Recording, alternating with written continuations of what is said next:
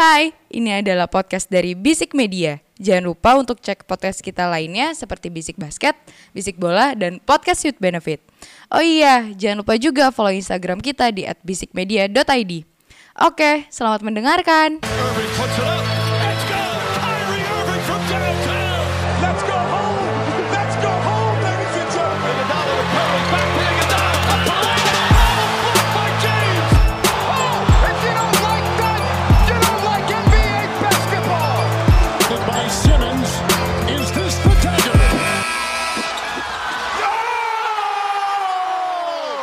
It's another episode of Bisik Basket Podcast putar basket NBA dan juga dalam negeri yang diulas secara santai sebagai pecandu basket. Candu, candu seenggaknya empat nggak empat kosong. Tapi gua bener 5 41. Ya. Per in 5. Denver in five. Ya Bang Messi udahlah. Kenapa anjing tiba-tiba Bang Messi? Nggak kirain Messi mau nonton di Miami kan. Ah, iya, Cuma kita ternyata nggak ya, kesampaian. episode kemarin ya. Iya, karena mau ke Indonesia dulu kan katanya. Loh, emang jadi.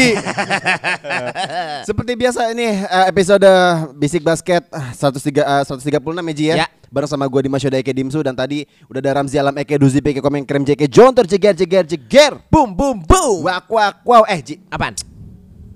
ah apa ya?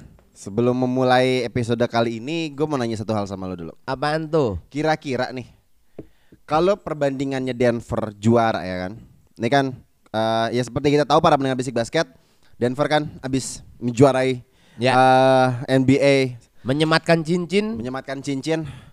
Eh, untuk Denver tuh, untuk kota Denvernya 47 tahun tanpa ada gelar dari Yoi. tim franchise-nya Yoi. di kota tersebut akhirnya Denver Nuggets nih. Terus tadi kita udah sempat nonton juga Ya. uh, uh, post conference-nya dari abis mereka dapat cincin ya kan. Hmm. Uh, si nggak ada ekspresi-ekspresi yang kebahagiaan yang membanggakan uh, apa namanya untuk satu orang kayak oke of course kita tahu bahwa Jokic dan Jamal Murray adalah uh, The best duo right now. duonya terbaik lah di musim ini gitu Ya. loh. Tapi gue melihatnya bahwa they stay humble gitu loh, nggak Ya. nggak nggak ada ada sisi-sisi jumawa, nggak ada sisi-sisi yang uh, one man show yang terlihat dari beberapa tahun terakhir bar tim juara itu tuh kan terlihat bahwa oh ini kunci pemainnya ini ini ini Ya, ini ini ya, yang ya, ya, di mana ya. setelah mereka juara mereka tuh menunjukkan bahwa ya emang I'm the man gitu loh. Ya. Pertanyaannya buat lu gini sih. Kalau gua merasa bahwa Denver Nuggets juara ini di tahun 2023 itu ada kemiripan saat Dallas Mavericks juara di 2011. Ya, setuju. Heeh. They're Terus? collecting their team walaupun pada Ya. saat itu eh eh, Dirk Nowitzki kayak ya emang emang core-nya gitu loh. Ya. Tapi jangan melupakan di situ ada Tyson Chandler, ada Jason Terry, ada Jason Kidd juga Ya. gitu loh. Menurut lo Ada Jason Meras juga nggak? Enggak ya? I'm yours. Anjing gue dangdut banget tadi dikit-dikit dilatahin.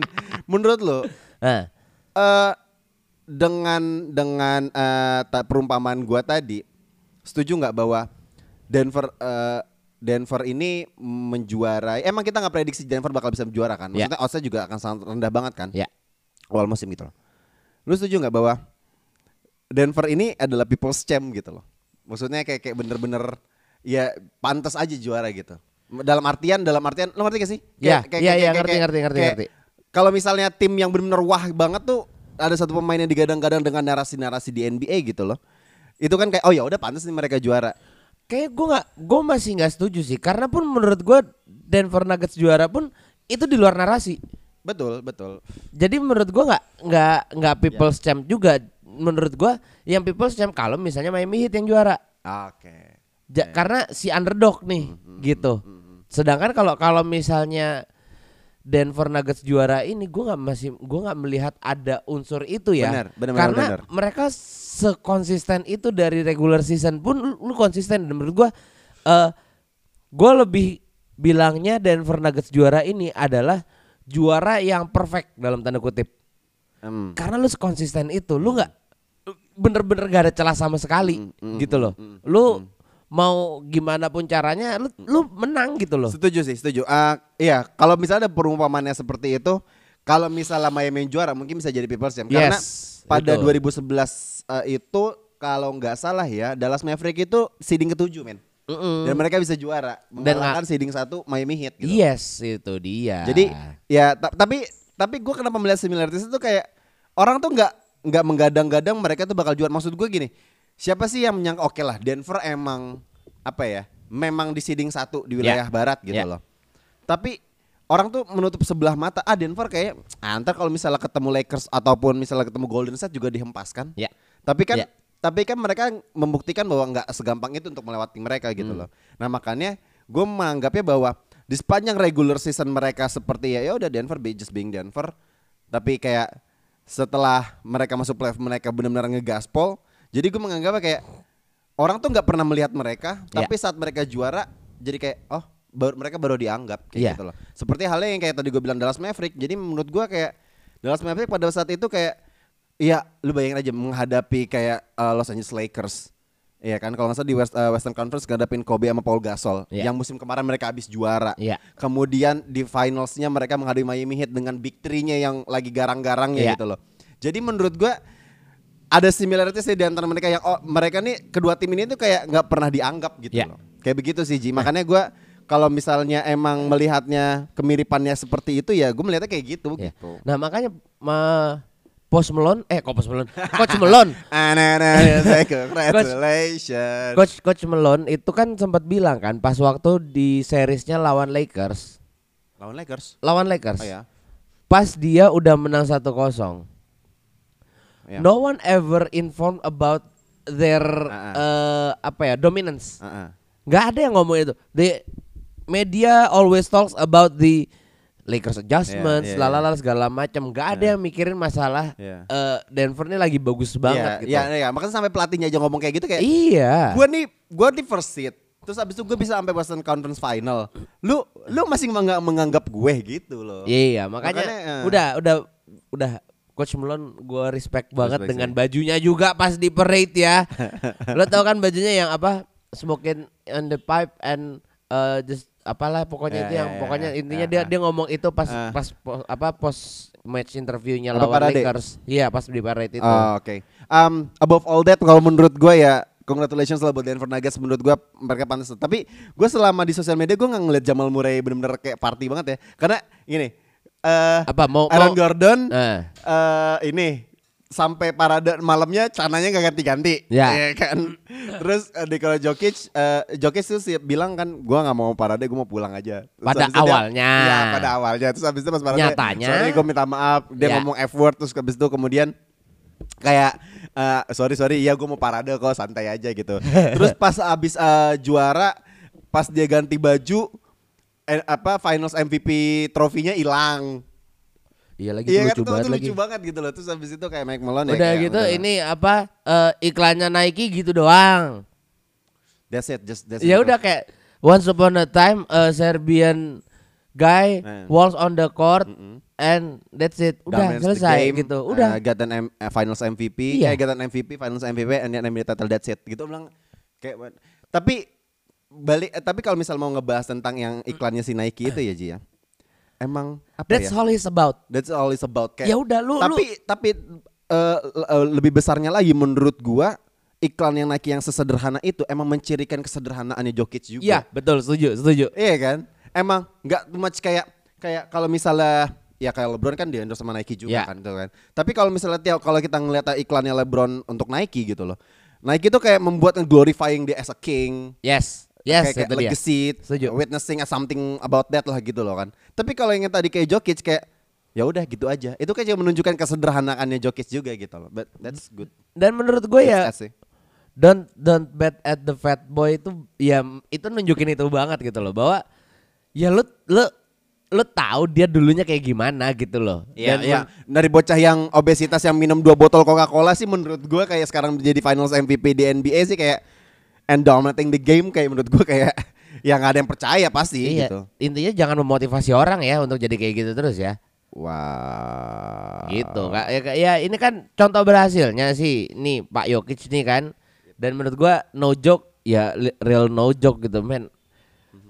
Rataan 20 poin plus Hmm. di finals tuh menurut gua gila sih gila ya. Hmm. And no averaging joke beneran. tri- almost triple double menurut gua kayak gini gini gini. Kalau misal mau triple double tuh gua nggak tahu waktu eranya Shaq adalah salah satu terakhir menurut gua center yang sangat dominan dengan dapetin eh, apa namanya tripit kemudian abis itu dapat di Miami dapat cincin juga dengan total 4 cincin juara menurut gue banyak yang bilang bahwa ya udah eh, terakhir menurut eh, Shaq itu adalah center yang sangat-sangat dominan gitu Ya. Nah muncul Setuju. dengan Jokic yang di mana mainnya nggak terlalu fisikal tapi dia bisa dominan Iya. Iya Nah, iya iya iya. kan sampai ada kalau nggak salah I don't know ESPN atau Bleacher Report gue lupa atau atau ESP, eh, ESPN deh kayaknya deh dia uh, nge-compare antara Shaq sama Jokic yang di mana pas statistiknya Hmm. itu mereka nggak beda jauh dengan gaya bermain yang sangat Berbeda jauh. berbeda jauh ya maksudnya era awal Sangat 2000-an kontras, dengan saat saya eh, dua, dua dua dekade lewat menurut gue ya pasti berbeda dong cara mainnya kan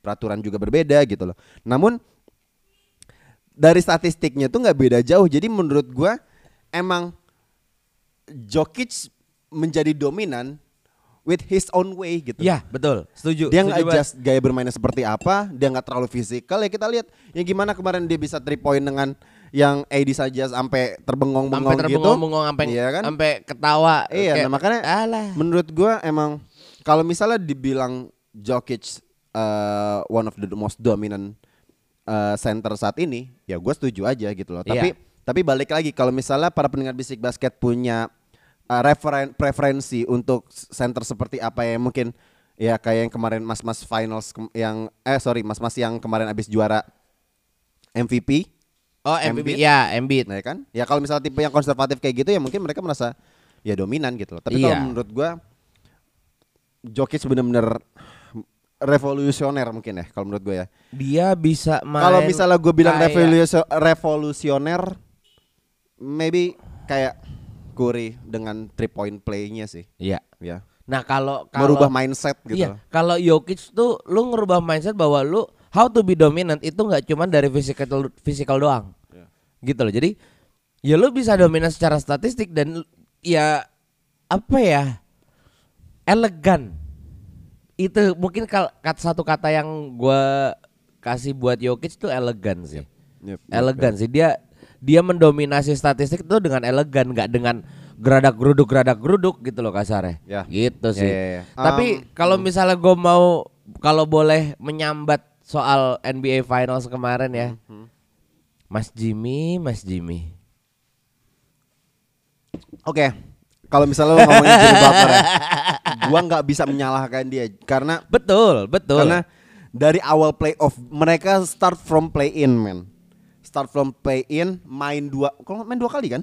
Ya, main dua kali. peringkat 8 eh Sembilan. peringkat 9 ya, peringkat Sembilan. 9. Main dua kali masuk playoff dari seeding paling bawah di wilayah timur, kemudian bisa sampai NBA Finals dan semua seakan-akan kita tuh lupa bahwa perjuangannya dia udah perjuangannya jauh Jimmy Butler untuk Miami Heat tuh sampai ke NBA Finals lagi itu berat banget gitu. Iya De- terlepas nggak ada Tyler Hero dan juga mungkin uh, squad-squad yang lain apa yang ada di Miami Heat yang mungkin inexperience kayak kan banyak kan narasinya eh bukan narasinya sih lebih kayak di kadang-kadang kayaknya uh, Miami itu kan banyak pemain yang undraftednya Ya, kan. ya. Ya lu sekarang gini aja what did you expect dengan pemain undrafted terus sekarang bisa di NBA Finals? Ya, kan Ya. kelihatan timpang banget kan.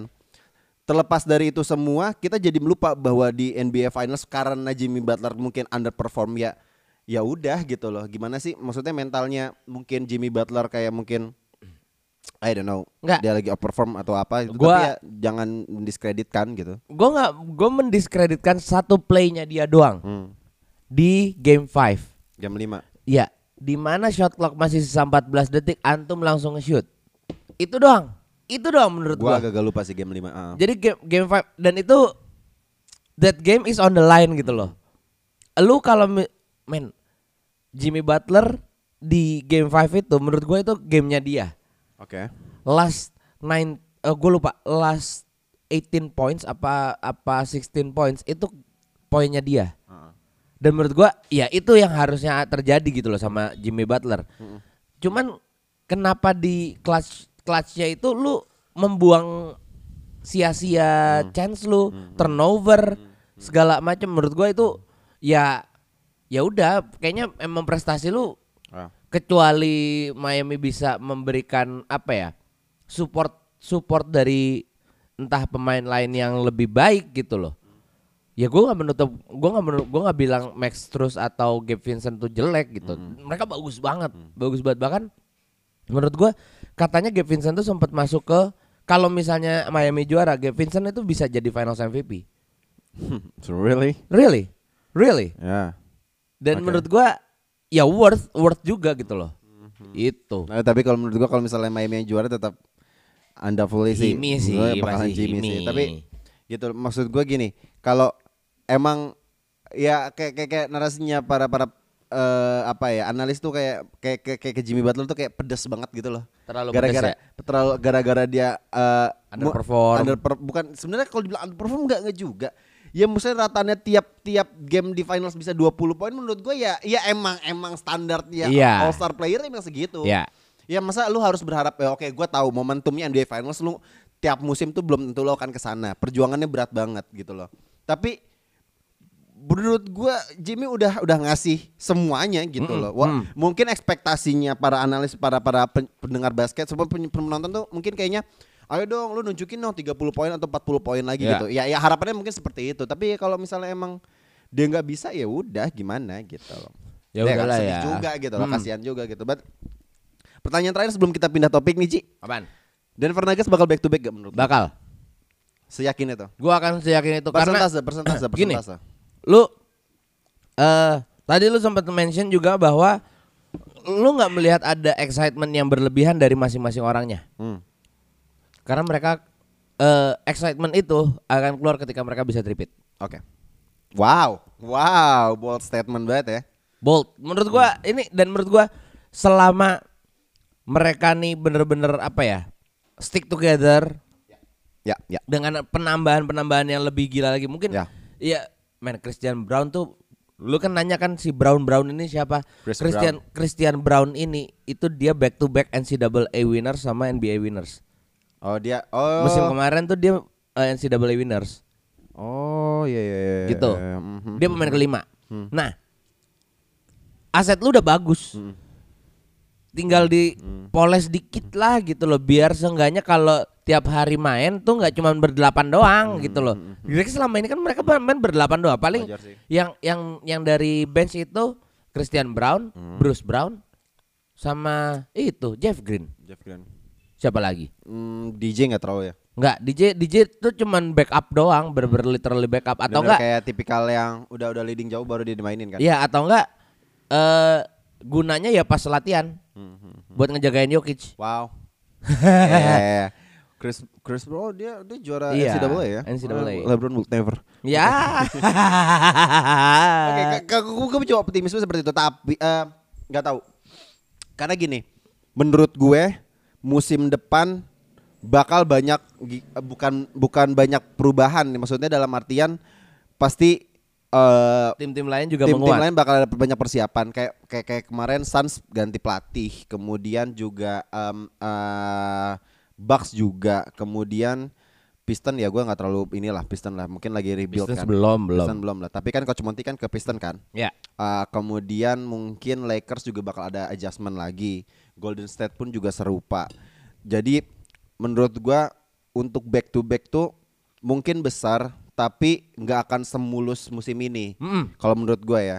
Uh, dan uh, dan juga apa uh, beberapa pemain yang di Denver juga sebenarnya mungkin eh gue nggak melihatnya mereka terlalu euforia terlalu berlebihan ya. Kalau kalau musim ini eh, kalau juara nggak apa-apa lah. Tapi kalau misalnya musim depan gue nggak tahu akan seperti apa. Karena eh mungkin pengalamannya udah dapat nih juara nih. Tapi kan mempertahankan akan sangat lebih sulit gitu kan. Ya. nah makanya menurut gue mungkin peluangnya besar tapi nggak akan sem- semulus musim ini sih. Berapa? Berapa persen? I think 75% 75. Mm-mm, menurut gua. Kayaknya sih ya karena eh gua gua lagi-lagi masih sangat yakin Golden State bakal bisa menjegal, kemudian Lakers juga masih yakin. Kemudian em, Suns juga kalau karena udah nge-wave eh, Chris Paul menurut gua Iya. arah- arahnya akan bikin duo eh, Devin Booker sama eh, KD dan kita melihat waktu di series melawan Denver itu works. Jadi menurut gua tinggal Suns nih tinggal menambah deepnya aja kayak gimana gitu loh. Tinggal narik narik guard atau apa. Nah, itu kan berarti kan setiap tim kan udah mulai ada preparationnya lagi kan. Ya. Makanya menurut gua kesempatan akan lebih besar karena gua nggak melihat bahwa Jamal Murray dan Denver Nuggets eh, dan Jokic itu Denver Nuggets tuh lebih tim pemain yang apa ya berlebihan dalam artian apa ya maksudnya Dia yang take over take banget overnya gitu. tuh dalam gimana ya dalam eh jelasin ya kayak lebih apa ya lebih seder lebih gini loh mereka udah juara jadi bebannya mungkin akan lebih lebih nyantai lagi Hmm, gitu loh dan mereka tuh bukan tipikal pemain dan tim yang eh dapat under pressure yang ya udah biasa aja gitu loh ya. semua pressure tuh biasa aja gitu loh jadi menurut gue ya Denver bakalan bisa bertahan dapat cincin lagi sih Aminin. tapi kalau misalnya emang karena gini Ji, gue melihatnya Hmm. gini. Blueprintnya Denver Nuggets tuh sama kayak blueprintnya Golden State Warrior. Bener-bener nge-build dari draft Scratch. picknya mereka. Dari scratch kan. dari Iya. scratchnya mereka. Jadi emang untuk membuat sebuah dinasti itu tipikalnya Ya kayak gitu, gini gitu. uh-uh. Nggak percaya sama pelatih, percaya sama pemain-pemainnya nge-build jadinya udah gampang nih tinggal penambahan-penambahan aja gitu kan. Ini kan ini kan build up sama kayak Golden State kan. Iya. Mike Malone nggak nggak sebentar dia udah 8 tahun di Denver Iya. Nuggets. Jadinya udah udah tahu nih kayak gimana nih. Sedangkan core-nya Jokic dan Jamal Murray itu tinggal ngejas aja. Satu dari wing, satu dari front court. Iya, Ya udah. kan mudah kan? Ya Uh-uh. udah tinggi gitu. Dan terakhir setahu gua mereka tuh nge-trade beberapa draft pick ke OKC. Mm-mm. Ya Iya, kan? iya, iya, iya, iya. sempat bahas kan. Iya, iya. Nah, dari situ tuh udah kelihatan kayaknya Denver pun juga nge-build up bahwa mereka sadar bahwa ini kalau setelah kita juara kita pengen mempertahankan. Jadi mereka juga mempersiapkan hal tersebut gitu loh. Tapi gue melihatnya Denver akan lebih sangat mudah sih. Iya. Udah juara tekanannya juga mungkin ya nggak tahu sih mengambil tekanan setelah juara itu kan bisa lebih enteng atau bisa lebih dapat pressure. Tapi gue melihatnya Tetap kayak pressure sih kalau kalau melihatnya Jokic eh, orangnya sesantai itu udah Iya mendapatkan lagi. semuanya Iya kayaknya lagi. Nyantai banget sih. Iya lagi. kan. Menurut gue sih seperti itu. Oke. Oke, em, Apa tuh? selanjutnya Nah, apaan kita, tuh? kita seperti biasa aja ya. Musim udah habis nih ya kan. Ah. Eh FIBA masih agak jauh ya Hmm. kan. IBL kita ntaran dulu deh ngomongin di dulu. belakang Hmm. ya kan. Kita masih di NBA aja. Untuk menghadapi musim depan, Hmm. Tom Green gimana Ji? Kenapa tiba-tiba Tom Green? Nggak tahu gue malas sama prospek-prospek yang libur dulu setahun. Wow, udah musim kedua bilangnya rookie Ya anjing. anjing emang. Enggak, enggak, kita Dan- bakal nggak, eh. itu tuh masuk oddsnya tahu. Oddsnya tuh dia masuk ro- rookie of the year tahun depan. Ya iyalah. Gue kesel banget kayak anjing. Tapi menarik ya Rookie of the Year musim depan dua dua pemain yang menurut gua kan Chelham Green dan Wembanyama ya. Wembanyama kan top prospek Ya top prospek kali lah. ini kan. Ah. Itu tuh sama-sama eh, wing apa ya? Maksudnya bener-bener lean center gitu. Iya. Sebenarnya sih eh, apa Enggak, sih Chelham enggak sih, bukan Chet- center sih Chet ya. forward sih. Lebih forward sih ya. Ah. Tapi menariknya dua pemain ini ini pernah bertemu di FIBA FIBA World Cup U19 tahun ko- eh, kalau nggak salah 2020 apa 2019 Hmm. Oh iya? kayak gue Oke. mereka pernah U19 ketemu bareng. Nah, eh kita ngomongin Wembanyama nih, Ci. Ini kan kita kayaknya belum pernah ngomongin dia sama sekali ya. Tapi Hmm. di grup fisik basket tuh kita selalu ngomong-ngomongin terus nih. Lebih karena males. OP. Enggak, enggak lebih karena ke kayaknya bakal bahas enggak nih. Bercanda. Nggak. Ge- Feb- Victor Wembanyama akan ya kita akan tahu bahwa kayaknya eh, Spurs dengan draft over apa draft pick nomor satu bakal ngambil dia gitu loh. Hmm. Gua ngelihat Wembanyama tuh kalau misal di, gua nggak bilang overrated ya, tapi gua nggak melihat dia tuh sebagai pemain yang skill set oke, Iya, iya. skill set oke, Mhm. fisik eh, bisa di build up gitu loh. Hmm. Tapi gua ma- sangat ngelihat dia tuh gini, kalau orang tinggi tuh kan kayak kayak Home Green gitu tuh kan ringkih banget ya. Secara fisikal Ya. tuh kan walaupun lu bisa ngebalki, tapi kan kalau dengan tinggi yang bisa dibilang gak normal, tingginya tinggi banget gitu kan. Dengan s- dengan NBA yang setight itu maksud gua dalam artian sefisikal itu gitu loh. Hmm. Gua nggak bisa melihat dia bisa bener-bener ber- survive di NBA sih. Jujur setuju. Iya kan? Gue lebih, gue lebih kalau secara physical dan skill set ya, kayak timpang gitu loh, ngerti gak? Kalau si kalau si Wembanyama itu timpang, jadi badan lu gede, lu mainnya kayak guard, ya dong. Nah kalau misalnya gue lebih, gue habis ngeliat ini kan, draft prospek yang nomor duanya justru, Scott Henderson. Main di ini kan? Ignite kan? Ya, menurut gue dia lebih lebih apa ya skill set terus apa postur badannya itu lebih lebih mumpuni. You know what I've been thinking about Scott Henderson? Ah. Anthony Edwards. Iya, iya. Itu bener-bener kayak oh, anjir. Itu tuh mungkin sorry gue potong Ji. Ah. Scott Henderson itu mungkin average kayak gimana ya? Average decent uh, college player gitu loh. Tapi kan yang membedakan antara lu prospeknya tinggi dengan tidak, lu kan lu bisa memenuhi beberapa parameter nggak? Kayak Iya. IQ, kemudian lu uh, IQ bermain, terus habis itu juga dengan skill set yang lu punya, Iya. itu kan membedakan kan. Visi bermain lu juga gitu loh.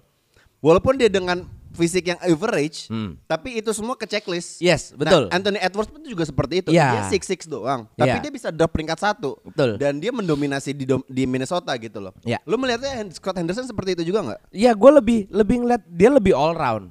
Intinya All round gini, ya? intinya gini. Kak buat Wemby, kalau Wemby ini dia harus fokus ke satu nantinya ke depannya. Lu mau main kayak gimana? Ya. Dan kalau misalnya lu masih main kayak gini di NBA, lu nggak akan bisa. Dengan dengan jadwal NBA yang padat banget ya, itu nggak akan bisa. Yang ada lu kelar. Hmm. Karena gini, Dengkul lu iya. habis Hmm. udah. Karena gini, karena gini. Um, eh, ah, gimana ya?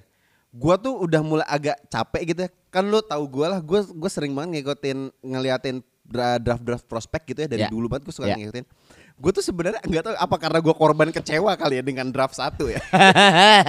gue korban kecewa ya. Sekarang gini aja. Dari awal gue ngikutin mungkin kayak uh, apa? Coba sebutin Jalen Green yang digadang-gadang the Hmm. next unicorn. Hmm. Kemudian um, siapa lagi Lonzo. Uh, and then ada Zion. Uh, kemudian uh, ada Cheltenham Green. Kemudian sekarang ada Wembenyama. Itu kan itu yang tadi nama-nama yang gue sebutin. Itu tuh calon-calon dari NBA prospek top 100-nya itu tuh dia peringkat satu walaupun dia ada yang Ya. satu dua satu dua lah ya. Ya. Gue tuh kayak agak kecewa gitu loh sama mereka gitu loh. Pas masuk NBA, kok jadi kayak gini. Kok gini gitu loh. doang? Iya jadi kayak gini. Oke gue tahu mungkin ah, ya, ya kalau misalnya dibilang pembelaannya ya beda lah su waktu main di college ataupun masih main di Ignite atau main di D-League eh di G-League beda lah masuk NBA lebih berbeda gitu loh. Nah tapi gua, masa iya dari tiap tahun peringkat satunya tuh bas terus gitu. Iya, iya, iya, iya. sih? iya, iya, Oke iya. Zion eh, eh, apa namanya eh, statistiknya masih bagus lah, oke lah. Tapi kan ekspektasinya kan sangat gede banget. Nah Iya, ini dan- yang gue takutin ke Wembenyama gitu. Dan ekspektasinya itu untuk Zion itu ya Iya. untuk main tiap malam anjing. Iya, ya lu mainnya terus-terusan dong, anjir. Jangan jangan suka sama pemain porno dong. Wah, sorry sorry sorry sorry. Maksud gue ya gitu loh Ji. Gue kayak kayak gak ada narasinya tuh gede banget gitu loh terhadap pemain-pemain yang draft prospek gitu ya. Yes. Gue ngerti emang semua yang tadi udah gue sebutin kayak IQ, visi bermain, secara skill set mungkin udah ke checklist semua gitu. Iya. loh. Tapi pas masuk ke NBA, apakah ia emang lu bisa sedrop itu, semengecewakan itu gitu loh. Hmm. Nah, gue takutnya Wembenyama kan lebih gede lagi ini Mm-mm. Narasinya. Ya sekarang gimana sih NBA selalu nge-repost dia setiap pertandingannya dia di liganya sekarang. Beda banget kayak menurut gua malah narasinya lebih besar waktu Zion prospek dulu. Iya, lebih gede. Iya kan? Jauh. M- mungkin Zion bisa ngejawab dengan uh, average poinnya dia dan menjadi pendulang utama di Pelicans gitu loh. Hmm. Tapi kan ekspektasinya kita terhadap Zion karena kita ngelihat dia dulu, Hmm. zaman masih di Ball is Life, zaman udah masuk ke Duke, itu Ya. kan kayak gede banget loh. Ini di NBA lu bisa bisa bener dominan banget gitu loh. Kemudian ada Cheltenham Green yang udah gue sempat bilang berapa tahun yang lalu tuh kayak ini main ini bakal bagus banget nih bla bla bla sebagainya gitu loh. Nah gue takutnya Wembanyama akan seperti itu Ji. Nah menurut lo nih ini yang Wembanyama akan kejadian lagi nggak akan kayak gitu nggak? In general, terlepas dari tadi gue udah bilang tentang fisik, tentang apa pun gitu. Kecuali Wemby bisa memfokuskan dia mau main kayak gimana, itu aja. Hmm, hmm. Ini balik lagi ke dia. Dia dia mau fokus main seperti apa? Menurut gua dia udahlah, lu jadiin kayak Giannis aja deh. Menurut gua ya. Lu jadiin kayak Giannis daripada lu all round kayak gini lu nggak nggak jelas, nggak ada yang lu apa? Tapi ya mas- oke. Tapi masalahnya Ji, Wembanyama tuh lebih tinggi lagi daripada Giannis. Emang, emang, tapi seenggaknya lu bisa 6'4 man, eh 7'4 man. lu bisa lu bisa lu 220. tebekin gitu loh. Itu lu harus lu tebekin lagi. Dan dari situ lu lu bener-bener jadi paint beast lah ibaratnya. Dominance.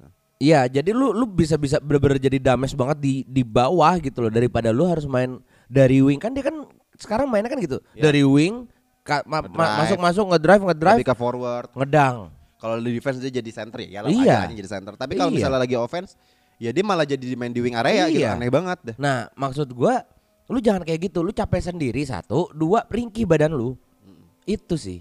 Kalau yang yang gua yang gua takutin dari dia ya sebenarnya. Dan lu kalau misal ibaratnya nggak tahu ya, gua masih pengen lihat eh, prospek-prospek di dua ke bawahnya ya. Maksudnya selain selain Wemby sama Scott Scott Henderson, menurut gua eh punya chance lebih besar untuk mendapatkan Rookie of the Year menurut. Kalau Karena gua. terakhir karena tracknya tuh kayaknya yang rookie of the year ya. Selalu tuh yang dua.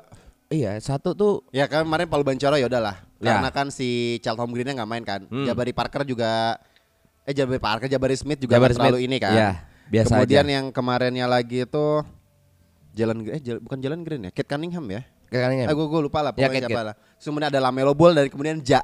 Hmm. Itu kan malah yang draft Dua- dua-duanya, yang bagus ha. gitu loh. Jadinya emang Iya bener gue tahu draft satu tuh emang nggak menjamin lu akan bagus. Ya. Tapi kan persentase lu mendapatkan pemain berkualitas kan akan sangat besar. Mm-mm. Tapi satu dengan dua ekspektasinya gede banget dong. Ya, Ya kan betul. gedean ke satu kan. Nah makanya gue melihatnya satu ini memang pemainnya tuh harus karena narasi dan spotlightnya ke lu udah sangat besar, lu bisa menjawab apa enggak. Ya. Tapi untuk Wembanyama Maji, gue masih punya optimisme terhadap dia.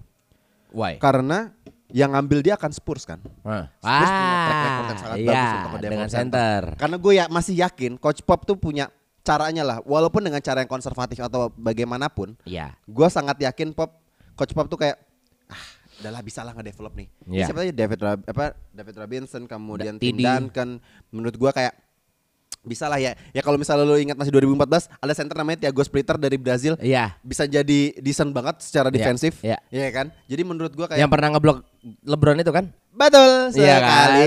ya kan. Abis itu langsung di posterize boom. Iya, iya. nah tapi itu, nah makanya gue masih ada, walaupun tadi dengan segala keraguan kita terhadap Wembanyama, gue masih ada sisi misi sisi optimisnya lah terhadap Wembanyama karena dia dipilih di, di akan di draft sama akan di draft sama Spurs ya. Em, Coach Pop menurut gue bukan coach yang kaleng-kaleng juga, jadi ya menurut gue ya let's see how it goes. Apalagi juga mungkin Wembanyama bakal banyak, bakal punya role yang besar karena Ya. kan kita lihat Spurs kan lagi tanking nih, sama kayak Houston. Uh, Jalen Green kan di Houston kayak kayak mainnya all around banget kan. Ya. Nah ini kesempatannya adalah untuk satu dua tahun di di di, di junior apa di di rookie year-nya dia dan di sophomore year-nya dia setidaknya Wembanyama bisa at least setidaknya preparation lah. Gua nggak Ya. berharap dia bakalan bener-bener langsung ya kayak Luka langsung dua tahun langsung All Star. Gua nggak berharap kayak gitu Ya. juga gitu loh. Ah ya kalau Luka anomali lah. Luka anomali, Jokic anomali lah. Tapi kalau misalnya Wembanyama emang udah spotlight itu sangat besar, lu harus bisa mempertanggungjawabkan itu. Nah, Spurs juga pun juga adalah menurut gua tempat yang tepat untuk lu ngedevelop diri. Jadi ya gua masih ada optimisme sih untuk dia gitu. Kalau kalau Jokic itu udah bukan anomali lagi sih Emang one of a kind ya? One of a kind. Man second round man anjir. Second 41 anjing. 47. 4 47 ya, 47. 47 empat- ya, Iya, 40-an iya. lah. Second round dia. Gambarnya tako, cu. Bener. Kalau ada gambar tako, dia nggak duduk di situ kan. Gak di Barclays Center anjing. Bangsat. Tapi ya itu. Menurut Iya. gua Wembanyama punya ya emang skill set dada, visi bermain udah oke. Hmm. Narasinya dia udah sangat besar, spotlightnya dia sangat besar Ya. dan dia akan di-pick sama Spurs menurut gua Coach Pop bakal ngebuat dia bener-bener apa ya bisa dibilang ya. Ya mungkin harapannya nggak akan seperti David Robinson ataupun kayak Tim Duncan ya, tapi setidaknya dengan developmentnya Coach Pop yang sangat konservatif, menurut gue Wemby bakal bisa dibentuk. Nah, tapi tinggal Wemby-nya lagi nih bakal kayak gimana. Mm-mm. Gitu. Jangan masalah sama mental-mental mulu lah. Wa- Tai. Waduh, waduh, waduh, waduh. Enggak, enggak. Gue tahu nih pasti arahnya mau ke mana nih. Ganti, ganti, ganti. Ke Benten kan? Iya dong. Oke, kemarin kita di FIBA World Cup udah grup A sama grup B ya. Nah, ini nih grupnya nih Ji. Ini nih grup ini nih. Ayo Ji, grup C nih Ji. Grup Tolong C. dibuka Ji. Grup C ada Grup C. tim US. Mm. Ada Jordan, ada Greece, ada New Zealand. Nah, Wah ini seru banget lagi anjir. oke langsung konklusinya. Satunya USA, duanya Yunani. Udah. Enggak kebalik.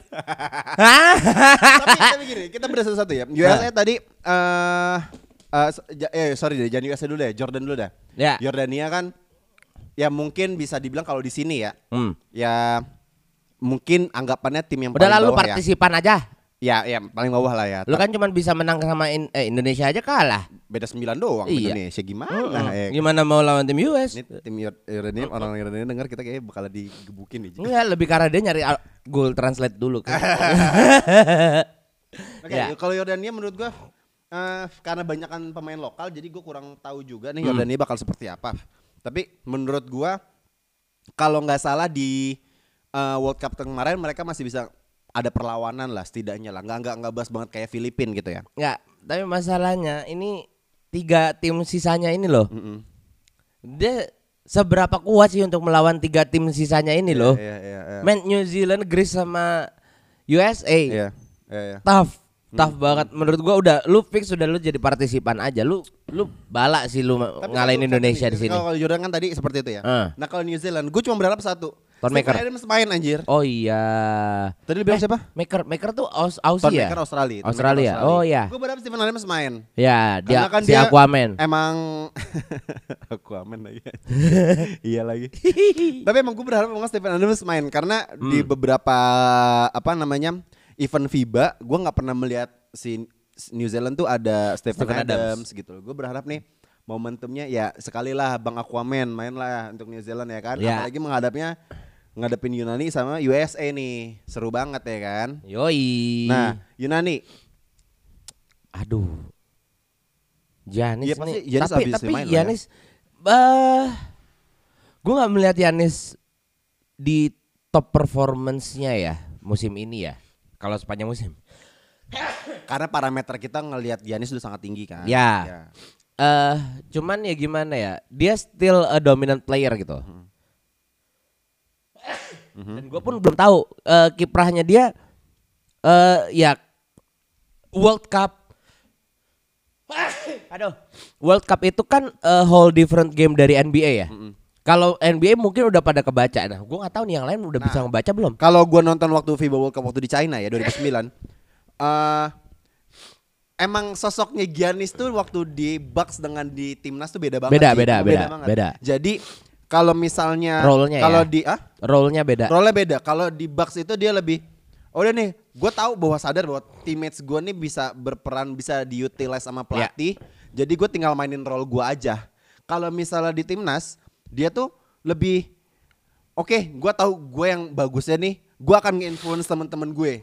Jadi lebih lebih all around, iya bener kayak kata lu bilang Iya. lebih all around. Jadi eh, di timnas Yunani itu kalau yang gue lihat, Yanis tuh perannya itu adalah sebagai mungkin fasilitator juga, sebagai key player yang untuk set playnya juga, defensifnya juga iya gitu. Ya. Tanpa mengecilkan para pemain yang Yunani yang lain ya. Ya. Tapi emang pas lu kalau lu tahu bahwa ya mungkin ada lu punya satu pemain yang eh, dalam satu tim rataan pemain tersebut lebih tinggi daripada lu ya, lu pasti akan utilize terus Ya. gitu. Nah, Setuju. makanya gue melihatnya Yanis role-nya tuh memang sangat beda dengan Ya. dia di NBA dengan di timnas. Makanya kalau di timnas nih Dia lebih kunci- capek. Lebih capek, ja- bener, lebih capek. Lebih lebih him.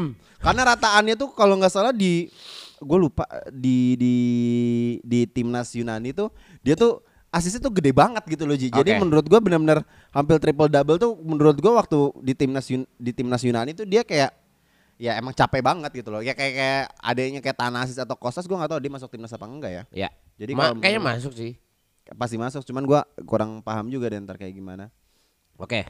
Hmm, kayak gitu sih. Nah, Australia nih. Eh, Australia, Amerika Australia, nih. Amerika Amerika, nih. USA. Aduh. Amrik nih, Amrik nih. Tadi lu udah sempat buka eh, pemain yang committed ya.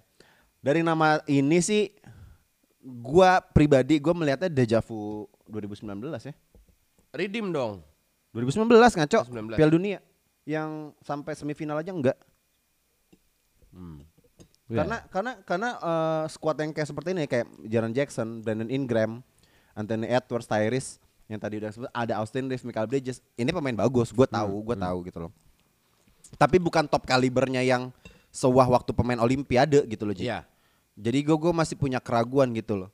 Em, tapi menurut gue Coach Pop bakalan yang nggak nggak nggak akan se apa ya ibaratnya kayak kayak nggak akan nggak akan kecelek kayak waktu 2019 lah. Kalau Ya. 2019 menurut gua kayak mungkin first experience-nya Coach Pop untuk ngelatih timnas USA kemarin dan di Olimpiade juga udah juara juga dan sekarang pasti mereka pengen juara dong. Tapi gue melihatnya squad ini bagus. Ada Bobby Portis, ada Jalen Brunson. Menurut gua ki, eh, kaliber player NBA cuman gue amat menyayangkannya gini ini nggak semua pemain NBA yang benar-benar bagus ya gitu loh kayak Iya. KD Steph Bradley Beal, Bradley ibaratnya Beal ibaratnya eh ceiling lu tuh harusnya Bradley Beal gitu loh, ibaratnya. Yang yang paling minim untuk masuk batas bawahnya tuh Iya, kayak- batas bawahnya kayak Bradley Beal gitu. kayak Bradley Beal gitu Em, coba di sini ada yang All Star nggak hanya Jaren Jackson gitu loh BI BI. BI ya pernah. BI pernah. kan ya Iya. udah lama banget kan maksud gua kayak harusnya sih ya gua tau lah limelightnya eh, Piala Dunia tuh nggak sewah Olimpiade kalau di basket ya. Ya. Cuman kayak ayolah masa kemarin abis kalah nggak lolos semifinal malah. Iya. Itu kan sangat-sangat huge disappointment banget gitu loh untuk timnas USA yang peringkat satu terus gitu loh Mm-mm. secara ranking. Masa nggak mau juara lagi? Tapi ya kalau dengan squad kayak gini aja sih menurut gua contending juara iya, Hmm. tapi akan sangat berat gitu. Ya. Gimana menurut lo? Tapi menurut gua untuk untuk lolos dari grup masih mau Pasti. mas udah hampir pasti, udah hampir pasti. sampai Tapi ke knockout phase menurut gua sampai perempat final, quarter final bisa iya, gitu. cuman ya But being a champ different terengah-engah aja gitu Iya. kan. Ah, iya benar. Tapi gua nggak tahu juga maksudnya tim-tim yang lain kayak kayak karena Prancis pun juga kayaknya bakal squad terbaik ya. Mm-mm. Prancis akan squad terbaik, Spanyol juga. Spanyol menurut gua kayak lagi regenerasi. Em, siapa lagi? Intinya- Se- Serbia intinya- juga iya. mungkin bakalan eh, all out. Udahlah nggak Lithuania. usah nggak usah terlalu ini apa maksudnya buat tim US tuh nggak usah terlalu sok paling center of the world deh. Wah, memang iya kok Iya sih, gimana oh iya Ji? sih, iya ya. Ya Bukan jangan merasa eh memang iya kayak gimana. Ranking satu dunia, juara olimpiade terus, cewek cowok, liga terbaiknya di sana. Ya emang center of the world anjir. Ya tapi maksudnya kalau ngelihat FIBA World Cup juga ya mbok ya tunjukkan kalau lu tuh center of the world juga gitu loh Wah, iya, maksudnya makanya gitu. itu. Contending gue masih yakin contending tapi Mm-mm. jalannya berat sih kalau menurut gue. Iya. Tapi kan ini ter- ini kan baru beberapa doang nih tadi kayaknya nggak nggak ada 10 pemain ya kayaknya Iya yang belum belum ya. belum ada yang udah komit Pasti belum. bakalan masih ada setengah lagi yang bakal datang. Ini kan musim NBA baru bang- banget beres. Mungkin para pemain masih pada di Cancun ya. pada Ya liburan, ya kan. ya. Masih ada lagi yang akan committed main lah. Gue yakin banget sih itu sih. Mungkin juga si Fitri mau main kali kan udah habis pusing habis di wave gitu Nah, kan. Iya. Mm-mm, gitu. Ngapain si Fitri orang dia dapat olimpiade juga Iya. ngapain dua kali. Oke. Oke, em, setelah ini kita ngomongin Eh, gua, eh, iya eh Apa, apa, anyway buat buat FIBA World Cup Arakji ini ya cedera ya. Arakji, oh pemain Lebanon. Iya, Arakji cedera sedih banget. Kesian. Emang dia lolos Piala Dunia Lebanon. Lolos cuy. No. Oh iya, Lebanon. Oh lolos lagi anjir Arakji. Iya, sayang banget Arakji itu ya ini sekedar intermezzo dikit buat nanti si siapa namanya? Si FIBA World Cup itu gitu. Si Arakji. Grup A masih lama. Oh itu grup yang paling chaos itu.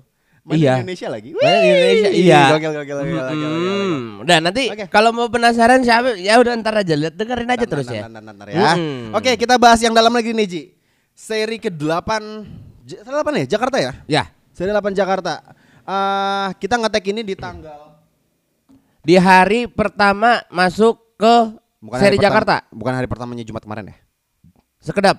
Ya, Ramzi lagi Seri nyari. 8. Seri 8 kan. Benar. Ini hari pertama. Ini hari pertama. Saturday 17 Juni. Oke. Ah, gua nggak tahu dari hari ini siapa yang main. Tapi Ada Evo Standard Bogor lawan Mountain Gold Timika. Hmm. Elang Pacific Sesar Surabaya lawan Indonesia Patriots. Bali United versus Amarta Hang Tua. PJ versus BPJ. Nah, seingat gua yang paling Ah. seru adalah besok Iya. antara Pelita Jaya menghadapi Prawira Bandung. Bukan, bukan Iya, Pelita. Jaya. SM. SM ketemu, oh ya SM ketemu Prawira. Ya. nah. Itu seru tuh, itu seru tuh. Seri Jakarta ini eh, akan berlangsung kayaknya sekitar 9 hari ya. Ya, ya, Jadi ya. sampai minggu depan bakal masih ada main. Masih ada. Gua agak kecewa gua nggak dapet courtside. Sama, sama. Jadi buat Mas Didi tolong ya, Mas Didi. Wah, kalau ada yang mau sponsor, IBL Iya, kalau boleh. Kalau denger tolong. Mm, IBL dua boleh tiket juga. aja, dua Mm, tiket dua tiket aja nggak apa-apa. Atau nggak, apa-apa. dua sama plus one-nya masing-masing. Gak usah dua lah. aja, gak apa-apa dua aja cukup dua aja cukup. Dua aja nanti lu sama plus one lu. Enggak, Oke, kita berdua aja. ya udah, oke, Kita siap. berdua aja gak Siap, apa-apa. nggak masalah. Aku pengen ngerasain courtside. Iya betul. heeh. Kalau tribun gak apa-apa juga. Nggak apa-apa, Saya boleh. bisa beli sendiri. Iya kalau tribun. Mm, masa mau jebolan sih enggak dong? kita mau ngonten. iya, betul sekali. Anjing belak belakan banget. Aduh malu banget gue anjing. Ya nggak apa-apa dong.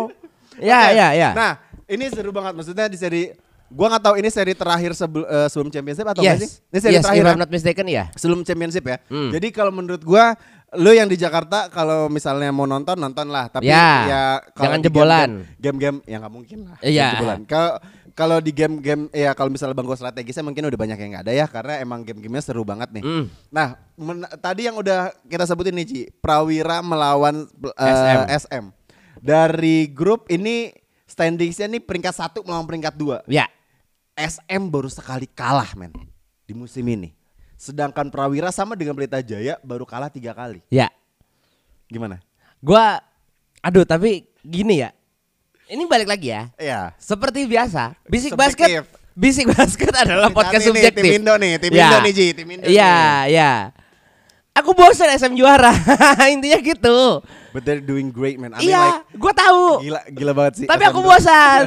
Dan juga aku juga bosan kalau misalnya lawannya Gini, cuma gini, PJ. Gini gini gini gini gini. Iya. Iya iya iya itu itu, itu gue setuju banget. Iya. Gue bener-bener respect banget hormat gue tinggi tingginya untuk Prawira Bandung yang benar Iya. bisa menggeser dua poli liga ini gitu loh.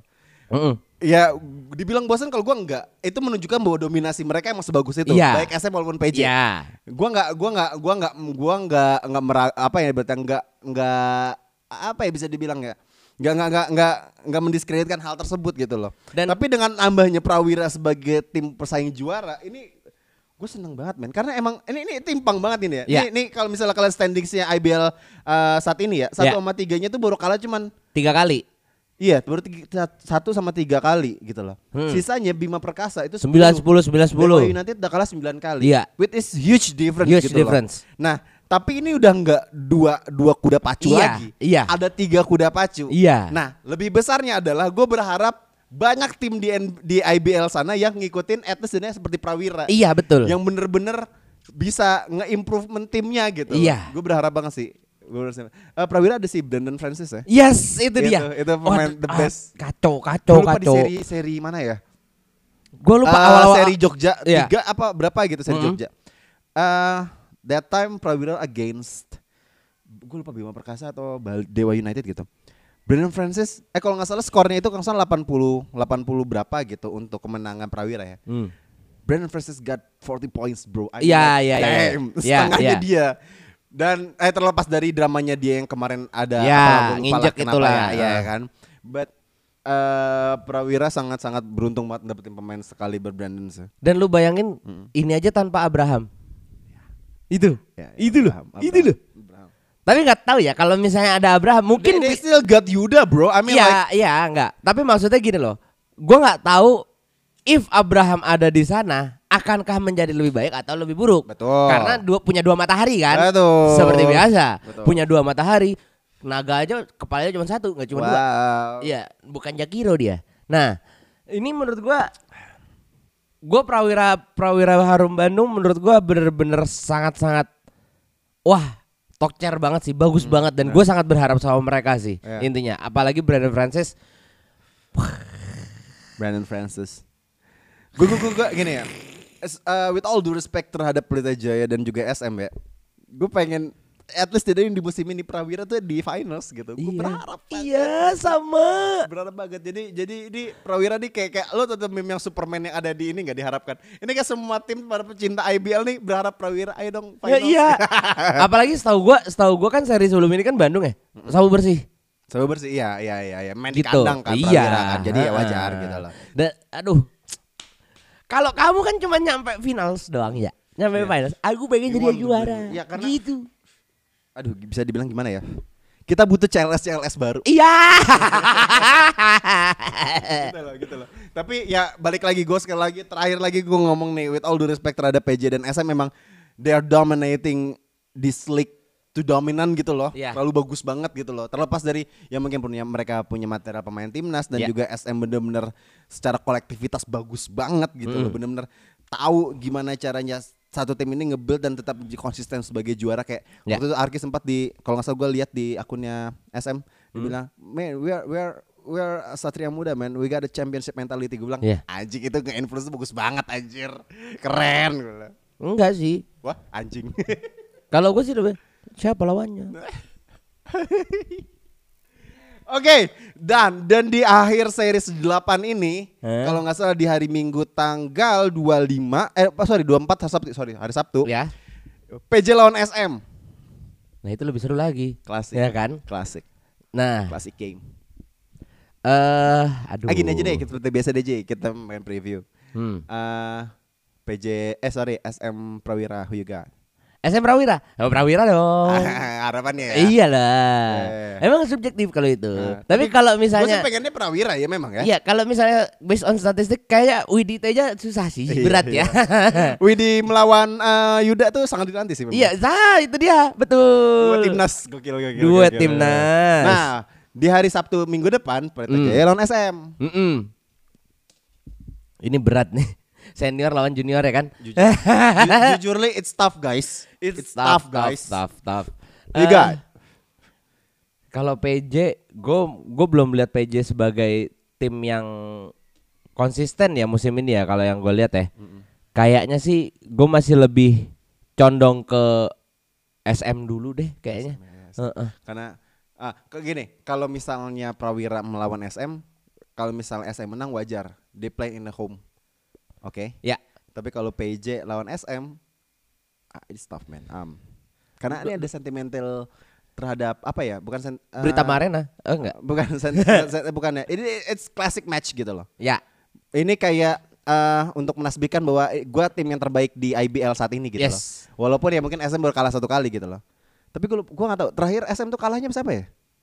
Coba Dizi, bisa dilihat nggak? Sepele deh setahu gua. Eh kalahnya sama siapa? Kalau kalahnya sama PJ sih gue yakin PJ bisa menjadi ini ya. Bentar, bentar. Kita cek dulu ya guys ya. Aha, Kalahnya sama siapa ya? PJ deh kalau nggak salah deh. gua. Schedule ya. Coba kalahnya sama siapa? Ini Pelan. menang, menang, Pelan, menang, menang, Wow 163 Menang. against Samarta Hang Tua. menang, Damn. menang, menang, menang juga cuk. Menang juga Lawan lawan PJ. PJ ya. Oke, cool. Kalah kalah sepele sih kata gua. Nih lawan Dewa. Oh, kalahnya lawan Dewa. Oh ya, oke. Seri solo. Seri oke. solo. Oke oke oke oke oke oke.